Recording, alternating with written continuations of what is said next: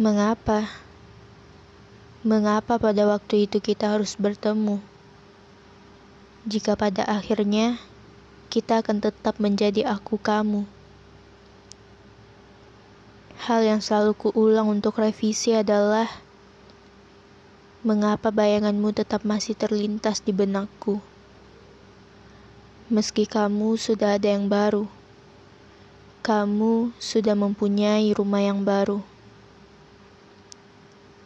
Jika suatu saat Tuhan mempertemukan kita, aku lebih baik memilih untuk enggan mengenalmu lagi.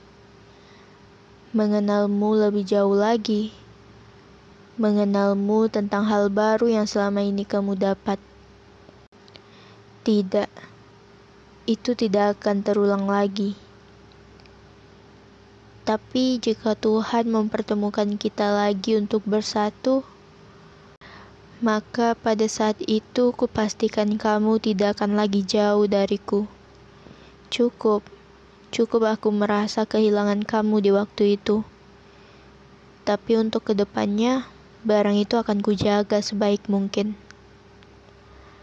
Kamu tahu, Bahkan di saat kamu ada yang baru, aku masih tetap mencintaimu seperti biasanya. Aku di sini masih tetap melihatmu bahagia bersamanya di sana. Aku sedih, jelas aku sedih. Kesedihan itu tidak bisa aku gambarkan lagi, sebab aku yang sudah mati rasa. Bukankah mencintai dengan tulus adalah melihat kamu bahagia? baik bersamaku ataupun bersamanya.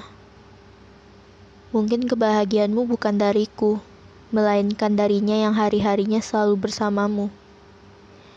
Dari sana, dari kamu, aku belajar sekarang bahwa mencintai tak harus memiliki. Sekarang, aku memiliki satu kunci, yaitu tidak mudah membuka hatiku untuk orang yang belum jelas membutuhkan tempatku, rumahku. Namun kali ini, aku menjeda untuk mengenal cinta lagi. Aku ingin mengenal diriku lebih dalam. Terkadang rasa sakit memberikan pelajaran untuk kita berpikir matang dalam persoal perasaan dan tindakan. Tapi satu yang harus kamu tahu, aku tipe orang yang tidak mudah melupakan hal yang penting dalam alur kehidupanku. Dan kamu termasuk alur penting di hidupku.